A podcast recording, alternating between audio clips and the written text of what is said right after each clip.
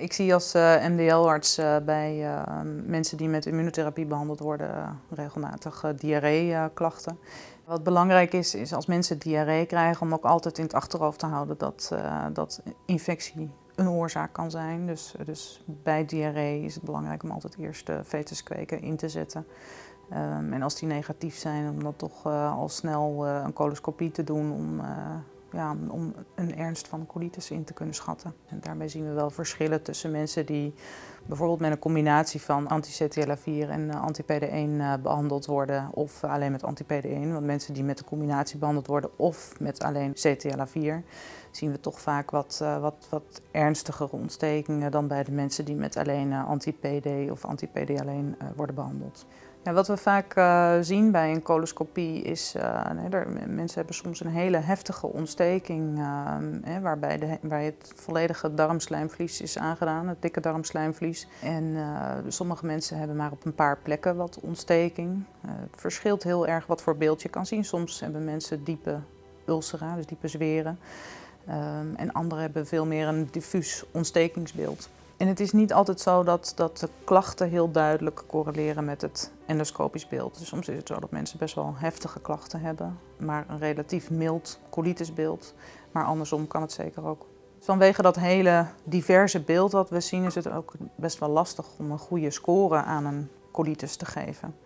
We kennen uit de, de IBD kennen we wel verschillende uh, scores, maar omdat je bij de een een hele diffuse ontsteking ziet en bij de andere alleen maar ulcera, kun je niet één sticker erop plakken van zo ernstig is het.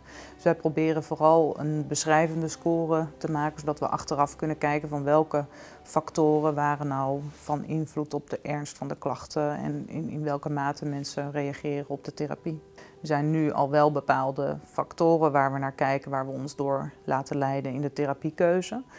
Um, en, en op die manier zijn wij op drie verschillende uh, therapiekeuzes uh, uitgekomen. Dus als er echt een heel mild ontstekingsbeeld is, proberen we te behandelen met lokaal werkende steroïden. Um, als het een wat diffuus maar heftiger ontstekingsbeeld is, behandelen we met systemische corticosteroïden.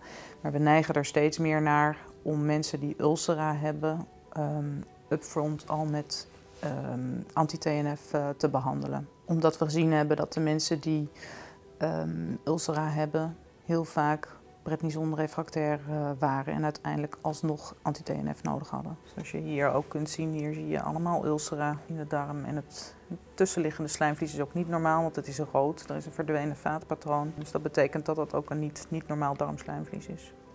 Dit zijn hele milde ontstekingsverschijnselen, dus het is iets rood. Het vaatpatroon is iets minder. Je ziet wat kleine puntbloedingjes. Het is een hele milde colitis. Dit is bijvoorbeeld een colitis die je zou kunnen behandelen met lokaal werkende steroïden. Nou, dit is weer iets waar je een veel diffuser beeld ziet. Hè. Dus heel darmslijmvlies is, uh, is aangedaan, maar het zijn maar hele milde ontstekingsverschijnselen. Er zitten natuurlijk wel verschillen in hoe je mensen uh, kunt behandelen. Want als mensen in een studieprotocol zitten, ben je heel erg afhankelijk van wat het studieprotocol voorschrijft van hoe mensen met diarree behandeld moeten worden. En vaak is dat toch systemische corticosteroïden.